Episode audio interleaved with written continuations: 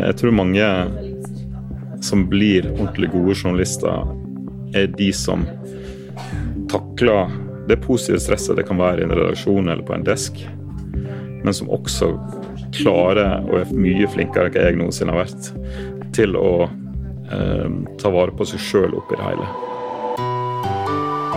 It's a disgrace. Dominere mediebildet. A failing media. Pile of garbage. Pause. False and fake, fake, fake, fake, fake, fake. Han mener at eh, journalisters arbeidsliv ikke tar nok hensyn til psykisk helse, og har sjøl gått på en skikkelig smell med utbrenthet. Likevel så jobber han på en av de kanskje mest stressende og største breaking-deskene i landet. Velkommen til Pressepodden, Geir Bjarte Hjertland. Det er kjempehyggelig å få lov å være med på Pressepodden. Det er gøy. Vips. Nå får du abonnement på Medie24 med Vips. Klikk deg inn på m24.no. Egentlig så hadde jeg en plan i dag om at vi skulle sette oss ut og drikke utekaffe når vi skulle ta den podkasten her. Ehm, men så feiga jeg litt ut, så vi har rett og slett satt oss inne på Kulturhuset i Oslo. Men utekaffe, hva slags konsept er egentlig det for din del? I 2022 eh, så bestemte jeg meg for en ting, og jeg er litt sånn av og til litt lite konsekvent i ting jeg gjør. Jeg bestemte meg for at jeg skal drikke kaffe ute hver eneste kalenderdag i 2022. Og hittil så har det gått bra. Men dette har jeg gjort i mange år, altså, bare for å ha sagt det. Men det første 2022 jeg har gjort det hver eneste dag. Men hvorfor det? Gir det en egen ro, eller noe annet som innekaffen ikke kan gi deg? Jeg drikker innekaffe òg, i store mengder. Men det å begynne dagen med å kjenne på frisk luft, samtidig som jeg drikker det beste jeg vet Kaffe er uten sammenligning det beste jeg vet. Um, gir meg iallfall en god start på dagen, og kanskje en litt større indre ro enn det jeg ellers pleier å ha. Indre ro blir jo kanskje et sånt stikkord som vi skal prate om litt eh, i denne podkasten her. Eh, I dag så jobber du som vaktsjef på Breaking Desken i NRK på Marienlyst. Eh, du jobber også som journalist i NRKs distriktskontor i Førde. Men før dette så har du jo bl.a. hatt en lang karriere i en litt mer tabloid del av medieverden. Du jobber rett og slett som frilanser i mange år for Se og Hør. Hvordan var den tida der? De årene jeg jobba i norsk ukepresse, er jo kanskje det som er blitt hengende med, med meg. Um, og ikke bare Se og Hør, jeg var òg med i Her og Nå. Um, jeg har jobba for andre ukeblad innimellom. For meg så var jo det en ganske sånn bratt læringskurve, for vi gikk jo inn i den bransjen flere uh, ja, kamerater, uh, kollegaer, som Ingen av oss hadde egentlig noe forhold til kjendiseri. Men vi fikk jo som nyhetsjournalister ganske godt grep på det. Og selv om ikke det totalt sett var så mange år, så er det vel uten sammenligning det som har satt mest merke i meg. Eh, de åra der eh, eneste jobben vi hadde, var å finne nyheter om kjendiser. Fortelle nyheter om kjendiser på en måte som eh, det publikummet ville ha, og det var et veldig stort publikum. Jeg skal huske på at både Se og Hør og Her og Nå har vært veldig store ukeblad. Og så er det mange som spør meg om, jeg, eh, om det er noe jeg angrer på. Altså, jeg, jeg, angrer egentlig ikke på så mye. Uh, jeg har levd et liv der jeg har gjort mye rart. Og så tenker jeg liksom det at ja, man kan angre på at man har gjort ditt, gjort datt, men det, du kan ikke gjøre det om igjen. Så, så, det eneste jeg på en måte kanskje angrer på, er at jeg Eh, kanskje i en tid av livet mitt, eh, jeg begynner å bli mange år siden etter hvert, der jeg kanskje prioriterte jobb før familie. Og sett i ettertid så var kanskje ikke det så heldig. Men det hører med til historien. Jeg har et veldig godt forhold til både til barna mine og min daværende. Så totalt sett angrer jeg ikke på noen ting. Men man vil jo kanskje si altså Når man stiller spørsmålet angrer du på noe, så handler det kanskje ofte om denne presseetikken. Altså, har du gjort noe som du har tenkt sånn ah, Presseetisk så er ikke dette helt greit, men Hva er ditt forhold til det når du tenker tilbake på det? Jeg har alltid hatt et, sånn, et godt forhold til etikk. Eh, men også i den tida i Se og Hør. Vi gikk på noen ordentlige smeller. Det var faktisk før Se og Hør, nå var vi her og nå. Uh, vi ble lurt av enkelte kjendiser til å skrive ting som bokstavelig talt ikke stemte. Dette var på en måte en tid der det var utrolig mye brød og sirkus i norsk presse. Um, vi var veldig tett på alt fra kongefamilien til komikere til musikere. Og så etter hvert så kom jo disse her som ble kjent fordi de ville være kjendis og egentlig ikke hadde så mye mer å by på. Så, og så kom reality-kjendisene som jeg hadde mye med å gjøre. Jeg var mye med i f.eks. den første sesongen av uh, ja, ulike, ulike sånne reality-serier der jeg uh, bidro mitt, med mitt med at jeg hadde mye kontakt med disse her, som gjerne fikk sine maks 15 minutter uh, i rampelyset. Og det er klart at Mange av de hadde nok en mye større forventning til hva kjendislivet skulle bli, enn hva det ble. Mens en ser jo den, i dag, så er det jo et helt annet type kjendiseri, en helt annen type kjendiser som dominerer. Eh, de såkalte influenserne, eller påvirkere, som jeg helst skulle ønske det var, eh, er jo noe jeg i veldig liten grad trenger å forholde meg til i dag. Og det er jeg litt glad for. Kunne du tenke deg å drive med kjendisjournalistikk fortsatt, hvis du skulle valgt mellom eh, det du gjør nå og det du gjorde da? Nei. Det, jeg stortrives med å jobbe med breaking-journalistikk. Men det òg kan jo ja, handle om kjendiser.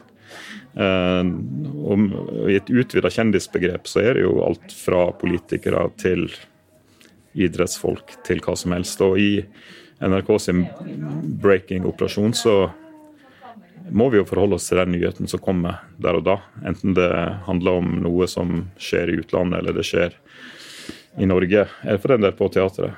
Sånn at Jeg har vel aldri vært mer allround-journalist enn det jeg er nå som vaktsjef i Breaking-desken på NRK.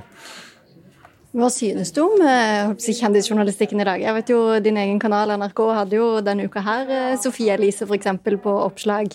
Hun hadde vært på badeland eh, i Luster eller i området der. Hva synes du om dekninga vi har av hva disse påvirkerne driver og gjør fra sekund til sekund, eh, egentlig er? Jeg synes vi skal dekke det så lenge det er en aktverdig grunn til det. I saka om Sofie Elise og Nora Haukland, som var på tur i mitt heimfylke Sogn og Fjordane, eh, så mener jeg det var helt rett å omtale det. Fordi at de hadde fått noen fordeler Bl.a. med at de hadde fått lov å åpne Lustrabadet, som det heter, eh, etter stengetid. Og satt der og hygga seg eh, inntil de små nattetimer. Det eh, godt hende jeg hadde gjort det òg hvis jeg hadde fått mulighet. men, men jeg tenker at vi skal, vi skal, vi skal iallfall være forsiktige. Men skal, alle skal kunne omtales når det er en aktverdig, når det er en aktverdig grunn til det. Men jeg vil hoppe litt tilbake til den her eh, Se og Hør-tida. For du sier at det var eh, mye å gjøre, og at du kanskje angrer litt på at du ikke var så mye med familien din. Men det var jo noe som skjedde med deg personlig i den eh, perioden her. Kan du ikke fortelle hva som skjedde? Vi kjørte løpet ganske heftig. Dette var en tid i Presse-Norge der ja, jeg tror på en måte grensene for hva som var OK og ikke, f.eks. For i forhold til det å gå på fest, det å ta seg en fest, det å knytte kontakter gjerne på altså Du gikk gjerne på en uteplass for å møte kildene dine. Eh, det var ingen som gikk Birken. Er, en annen type Birke i så fall? Ja, det var en annen type Birken. Uh, og, og vi, vi, brente nok lys i begge ender. Jeg gjorde det. Um, vi gikk liksom fra den ene dagen så var vi på tur med noen kjente mennesker, eller vi var på en premiere. Var mye på ulike premierer. Um, og Så var du gjerne på en kjendisfest etterpå, og så gikk du gjerne videre sammen med kollegaer. Uh, mens jeg kanskje dagen etterpå da skulle reise hjem til Vestlandet for å være småbarnsfar. Og Det var jo en kombinasjon som um, ikke holdt i lengden for meg. Og um, etter at um, Håvard Melnes skrev sin bok om Se og Hør, 'En helt vanlig dag på jobben', der jeg sjøl fikk lese det som står om meg. Det står jo en del om meg i den boka. Hva er det det står, da? Nei, Det, det, det er jo enkelte episoder, da. Men det er klart det var mange saker som hadde en sånn veldig sterk sånn wow-faktor. da. Um, åfanisme, som de kalte det i VG før i tida. Åfanisme. Um, og dette her med og, klart ekstrem tabloidisering av menneskers liv da, og helse. Og så var det andre episoder òg som måtte bli nevnt, f.eks. i den boka. Um, og vi som var i Se Hør de åra, eller flere av oss, da, var jo veldig klar over den kalde rolla vi spilte. Uh, det var, og det er vel ingen hemmelighet at flere av oss fikk jo inn, adgangskortet inndratt på noen få minutter etter at dette kom ut, at det skulle komme ei bok. da. Naturlig nok, tenker jeg. Uh, og det er klart at den boka og senere filmen uh, gjorde jo at vi, jeg og ikke på ingen måte bare meg, men ganske mange fikk jo et veldig sånn fokus på oss som personer plutselig. Plutselig så var det jeg som var i fokus, istedenfor at jeg var den observerende journalisten. Så var det jeg som var på forsida av Dagbladet. Så var det jeg som ble intervjua av Vestlandsrevyen. Uh, og der jeg stilte gladelig opp og viste fram boka, filma i bokhandelen, så der jeg så liksom og så, ja, ja, her står det meg og blar opp og viser på TV. Sånn. Uh, parallelt med at jeg da egentlig sto uten jobb. Uh, hadde, ja, meg og familien hadde flytta tilbake til bygda der jeg kommer fra, eller plassen jeg kommer fra. Uh, og så plutselig så hadde, hadde, jeg ingenting. Plutselig så hadde jeg på en måte brent lyset såpass i begge ender at jeg sto veldig på bar bakke. Og jeg tenkte vel kanskje da at nei, dette takler jeg, dette går bra. Men da var jeg, jeg hadde dratt strikken så langt fordi at jeg var på en måte en, en journalist som fikk til de gode sakene. Jeg leverte på saker og på merket hele veien. Du hadde den wow-faktoren? Veldig den wow-faktoren med meg hele tida. Og når jeg plutselig sto der en dag og kjente at um, det kom bokstavelig talt en bølge av angst over meg Um, hadde hatt noen sånne tegn før, jeg hadde hatt et par sånne panikkanfall tidligere også. Men der og da så Og vi er tilbake i 2007. Um, så, så, var den angsten så overmannende, så sterk, at jeg gikk inn i det som på fagspråket heter depersonalisering. Um, kan sammenligne med psykose. Forskjellen er at i psykose har du faktisk ingen kontroll. I depersonalisering så vet du hva som skjer. Og Så utvikla jeg på en måte den angsten, og det gikk i veldig negativ retning um, i de månedene. Dette her liksom Jeg var maksimalt utbrent. Um, jeg gikk på butikken, men det var så slitsomt at jeg måtte bare snu og gå hjem. Hadde du noe jobb på dette tidspunktet? Nei, da, da, var jeg på en måte i en situasjon der jeg fremdeles var frilanser. Og leverte litt hist, litt pist. Uh, eh, Jobba litt som konsulent. Uh, ja, gjorde, tok små jobber, rett og slett. Og, um, liksom, og den overgangen fra på en måte kjendis, kjendiserilivet i Oslo uh, bolig i Bergen, som jeg, drev, hadde, sånn fast, hadde fast plass på SAS-flyet. Sånn. Eh, til å flytte hjem til Sogn og Fjordane. Og plutselig så er du hjembygda, og du er veldig sårbar for eh, inntrykk. Du er veldig sårbar for de minste ting som skjer både med deg og familien din. Og alt rundt, og alle ville snakke om Se og Hør-sida. Det var veldig ferskt. Alle ville høre om hva det som sto i den boka. Jeg sa ja til alle intervju. Jeg sa ja til egentlig hva som helst på foredrag eller debatter, hva som helst. Hvorfor gjorde du det? Nei, jeg tror jeg, altså, jeg har jo alltid hatt et visst eksponeringsbehov. Da. Det er jo ingen tvil om. Men, men, uh, men, jeg tror på en måte det var jo sikkert et slags forsøk på å forsvare hvorfor jeg hadde gjort som jeg hadde gjort de siste åra. Uh, det gjorde jo at jeg uh, gikk rett utfor bakke. Det som virkelig forløste det, og på en måte også, som for så vidt var det som satte i gang helingsprosessen, da. for det var en ganske lang prosess for å bli bra igjen, var jo en dag der jeg Eh, bokstavelig talt eh, var på lokale Coop-butikken.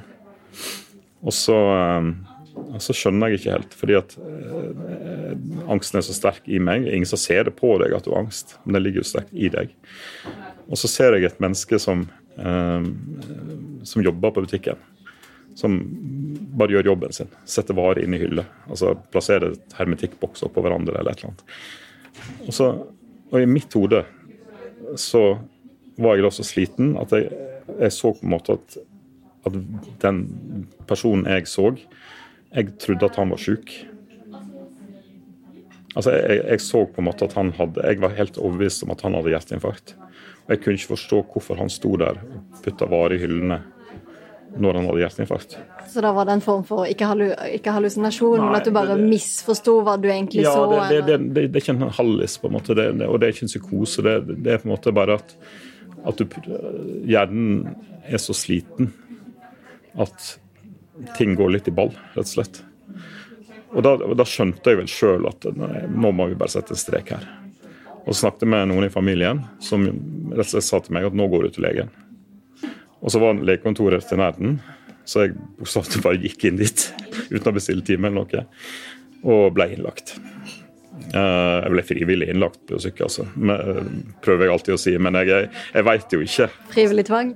Ja, frivillig tvang. Og jeg var innlagt i noen måneder. Fikk en helt fantastisk opplevelse av psykiatrien. For jeg, som alle andre som ikke har vært i psykiatrien før, hadde jo det inntrykket av at der var det jo bare helt vilt. Altså Det var ville tilstander og skraping på dører. Men det var jo absolutt ikke sånn det var. Du ble tatt imot som et medmenneske, mer som en, en pasient. Eh, jeg fikk på en måte endelig den behandlinga jeg burde hatt lenge, lenge før. Eh, jeg ble tatt på alvor, fikk snakke ut om tinga. Åpna meg veldig. Og, og jeg er så glad for at jeg fikk den muligheten. og Det hører med til historien at jeg skulle ønske at mange flere fikk den muligheten til å ta tak i tingene. Ikke, ikke til å bli utbrent? Absolutt ikke til å bli utbrent. For det er en eh, ganske grusom opplevelse å bli så utbrent at du ikke lenger har kontroll på verken tanker eller kropp. Um, og det, det, gikk lang tid. Jeg var innlagt ganske lenge. Um, Feira jul husker jeg, på eh, en, et offentlig psyk psykiatrisk avdeling. Og det var sørgelige greier, altså. Må jeg ærlig innrømme. Og Særlig fordi at altså, nå var jo ungene der og leverte gaver, og sånn, men det offentlige hadde da kjøpt inn en flaske sjampo til hver av pasientene som måtte ligge inne i jula. Altså fra uh, Europris. det var da kjøpt på salg for 9,90. Tidenes julegave, det? Ja, det var tidenes julegave. De hadde til og med pakka det inn. Eh, men, men, det var mye humor allerede den gangen. Og, altså, og, jeg, og, jeg, har alltid gjennom hele livet mitt på en måte hatt det ganske svart humor. Og, og, valgte på en måte å bruke den altså Når jeg var i den utbrentheitssituasjonen, så måtte jeg finne, tross alt finne tilbake til en glede. Da. Og det gjorde jeg, heldigvis. Og kom aldri til å bli helt frisk på noe vis. Men du jobber som journalist i dag? Det gjør jeg. Og tilbake da i 2009, da hadde det gått to år der jeg ikke hadde vært verken i jobb eller skikkelig jobb eller var ja, sykmeldt og ganske dårlig lenge. Så uh, fant jeg ut at nå skulle jeg ta og studere litt igjen i voksen alder. Jeg var blitt 39. Uh, det fungerte vel sånn passe, tenker jeg. og etter noen måneder så fikk jeg en mulighet i Sogn Avis, som da holdt til i Indre Sogn. Et vikariat der. Og gikk ganske raskt inn der som nettansvarlig. Og skjønte på en måte at jeg var tilbake. Og det var en utrolig god følelse første gangen jeg hadde byline på trykk igjen. Um, og så har jeg på en måte jobba meg opp igjen, men mye mer sjølbevisst. Mye mer bevisst på de signalene kroppen gir. Um, jeg er ikke så flink til å skru av telefonen, men jeg klarer å skru av meg sjøl. Um, når jeg er ferdig på jobb, så klarer jeg å strekke meg ut på sofaen, eller jeg klarer å gå i parken, eller jeg klarer å gå og ta en utekaffe, som jeg elsker. Um, men uh, med den utbrenthetsdiagnosen så fulgte det med uh, noe som heter generalisert angstlidelse, som jeg kommer til å leve, måtte leve med resten av livet.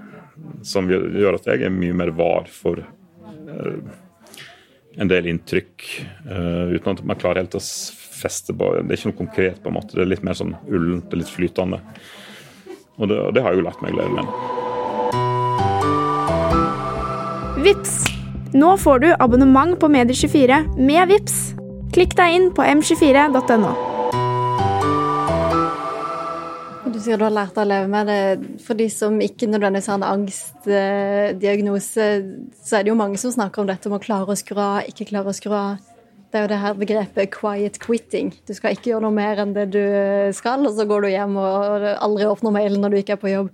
Altså, Hva er ditt forhold til det her med hvordan man skal klare å skru av? Hva er liksom tipsene til oss andre som eh, Ja, men jeg, jeg er jo ikke helt sikker på om det er løsningen.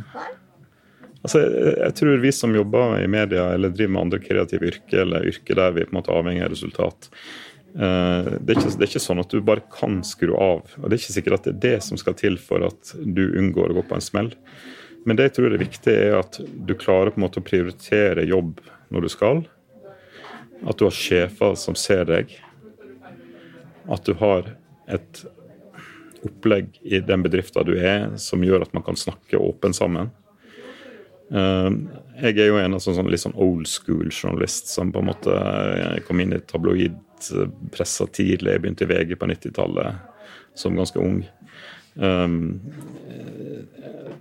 og liksom, liksom sånn hardhaus. Og jeg opplevde disse gamle hardhausene. sant? Som var liksom uh, Apropos Birken, det var ingen av de som sykla Birken, iallfall. og, og jeg tror på en måte det er også hvis man f.eks. er ung journalist i dag, da, og man føler litt på det presset eh, som man skal absolutt oppleve, og stress kan være veldig sunt. Og jeg jobber jo i dag med breaking på nasjonalt og internasjonalt nivå. Så er det jo sånn at vi Så lenge stresset er positivt, så lenge du føler at du yter maks av det du skal gjøre, så er det fint å skru av seg sjøl. Men så er det jo spørsmål selvfølgelig sant, at Noe jeg har tenkt på i mange år, er det, sånn at det var jo en periode der alle ville bli journalister. Alle skulle ta journalistutdannelse. Alle skulle ta en master i et eller annet fordi de hadde egentlig lyst til å bli journalister. Men det er ikke sikkert at yrket er for alle. Og Det er litt sånn fælt å si, sant? Men, men, men det jeg ofte ser i dag, er det at Det jeg opplever i dag eh, når jeg er vaktsjef, der jeg er faglig ansvarlig for eh, en fin gjeng, og der eh, de eldste er oppe i 60-åra, de yngste i tidlig 20-åra, er jo at likheten er mye større enn det man tror. Eh, jeg tror mange som blir ordentlig gode journalister, er de som takler det positive stresset det kan være i en redaksjon eller på en desk, men som også klarer, og er mye flinkere enn jeg noensinne har vært, til å eh, ta vare på seg sjøl oppi det hele. Og Det jeg syns er veldig positivt, er at den festkulturen i norsk presse, eh, som jeg sjøl var en del av i flere år, at den er på en måte nesten borte. Altså, I dag er det helt OK å fortelle at du skal ut og jogge etter jobb. Det var det faktisk ikke på 90-tallet. Eller før. Eh, I dag kan du uten problem bestille en Cola Zero i baren istedenfor en tung gin tonic med påfyll.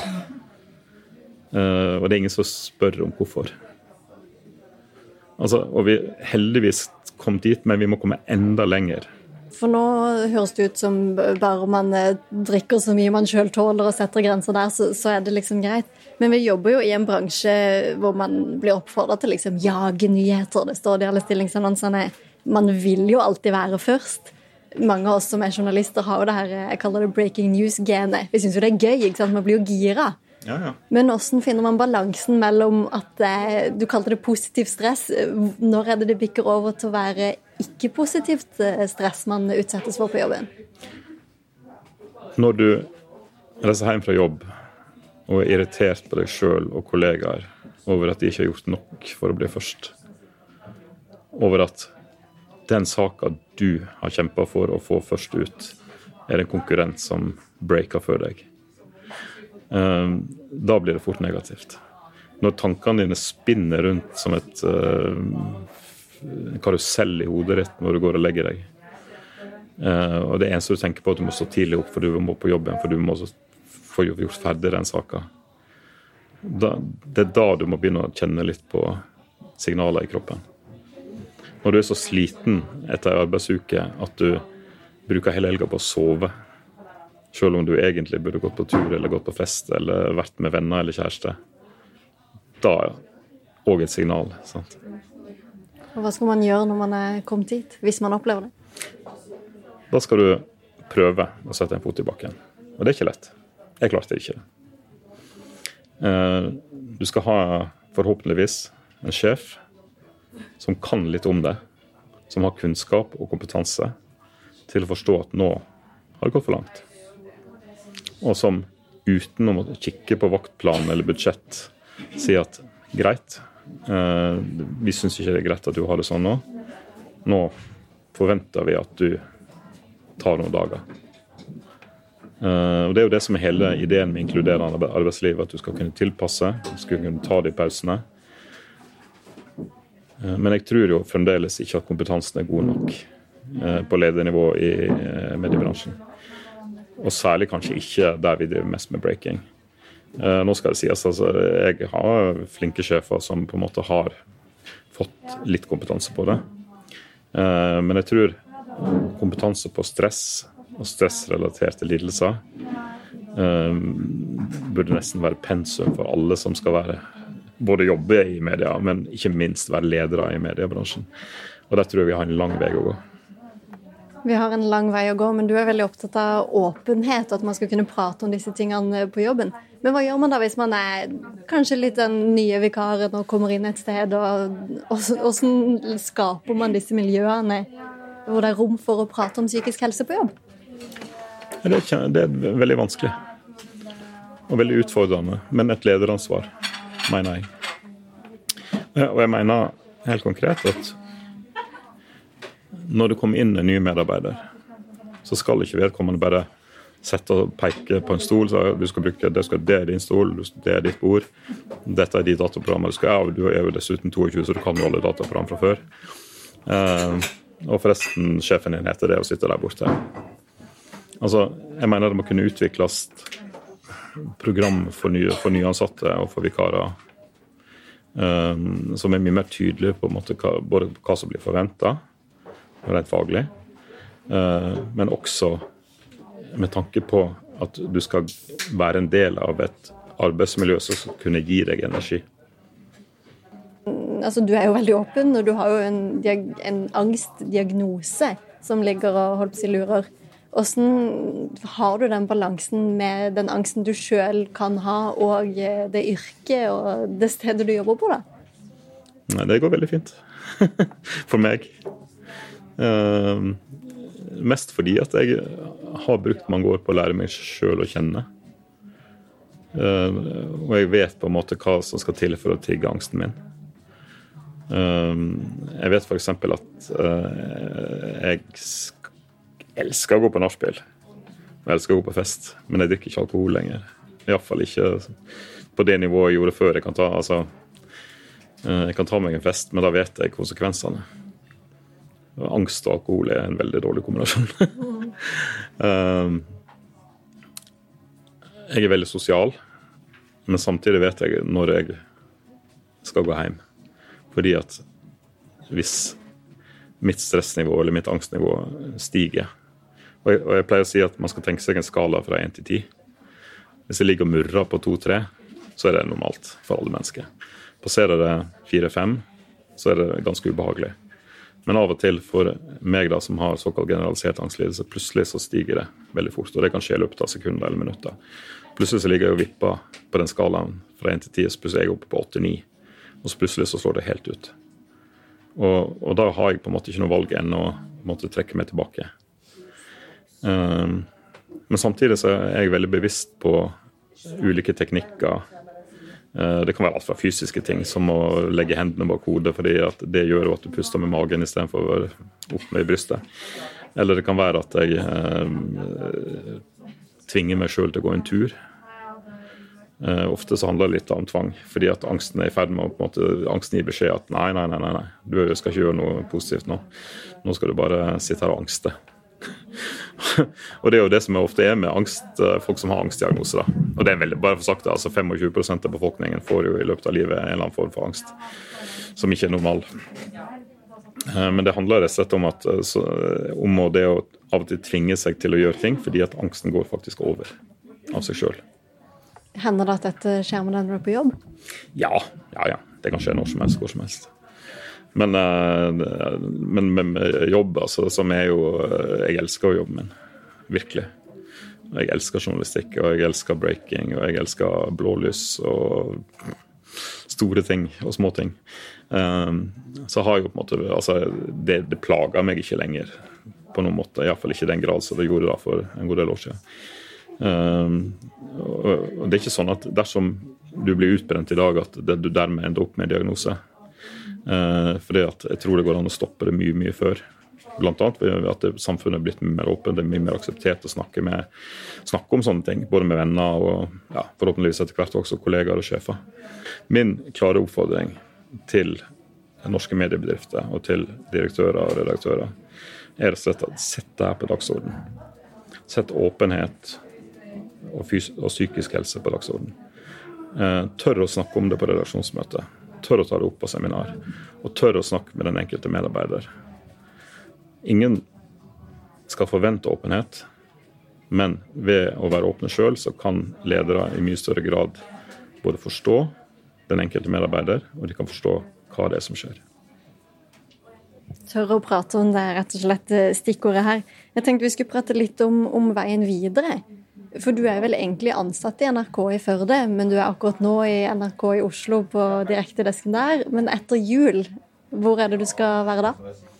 Da gleder jeg meg, jeg gleder meg masse. Um, eh, jeg har blitt eh, ansatt i et engasjement som koordinator, som det heter på fint, i forbindelse med kommune- og fylkestingsvalget neste år.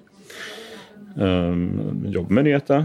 Um, men jeg skal være med på en måte og bidra til at den strategien som NRK velger rundt valget, uh, og måten vi skal dekke valget på, blir gjennomført på en god måte. Og um, det handler jo i stor grad om å snakke med de ulike redaksjonene. snakke og ja, handler egentlig mye om å drive med det samme som jeg gjør i dag, bortsett fra at det er litt uh, lengre deadline. Mens jeg i dag har en deadline på kanskje 90 sekunder, så har vi en deadline På ni måneder? Ja, det, det, er et lite svangerskap jeg skal være med på. Uh, og det blir veldig kjekt, tror jeg. Uh, særlig fordi at uh, jeg er veldig opptatt av lokalpolitikk. Jeg er nesten sånn lokalpolitikk-nerd. Ikke bare nesten, jeg er det. også fordi at jeg mener at lokalpolitikken er tross alt det viktigste. Vi kan snakke masse om de lange linjene og de store kampene i både nasjonal og internasjonal politikk. Men til sjuende og sist så handler det om hvor mye penger har kommunen din råd til å bruke på gatelys på skoleveien. Det er jo det du ser, og det er det som betyr noe. Og ja, Jeg er jo på ingen måte alene om dette. Vi er jo et stort team som skal jobbe med det. Og jeg syns det var veldig gøy å få mulighet til å ta denne jobben. Men jeg er jo vestlending og har denne jobben her i Oslo fram til etter valget. Så får vi se hva som skjer. Jeg er jo litt sånn happy go lucky, som det heter på fint. Um, jeg har voksne unger, jeg bor alene. Uh, tenker at uh, jeg hadde noen år der ting ikke var så lett i livet mitt. Og så tenker jeg at akkurat nå så har jeg det såpass fint at jeg skal flyte litt med. Og gjøre det jeg har lyst til. Drikke masse utekaffe. Vi ønsker deg lykke til med kaffen resten av året, og tusen takk for at du var gjest i Pressepodden, Geir Bjarte Jetland. Thank you. Mitt navn er Kristine Sterud, og vi kommer med en ny episode av Pressepodden neste uke. Ansvarlig redaktør for denne podkasten er Cornelia Kristiansen.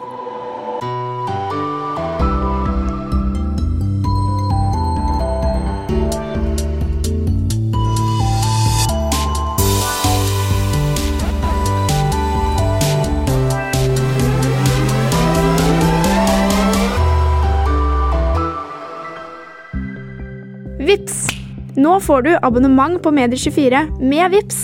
Klikk deg inn på m24.no.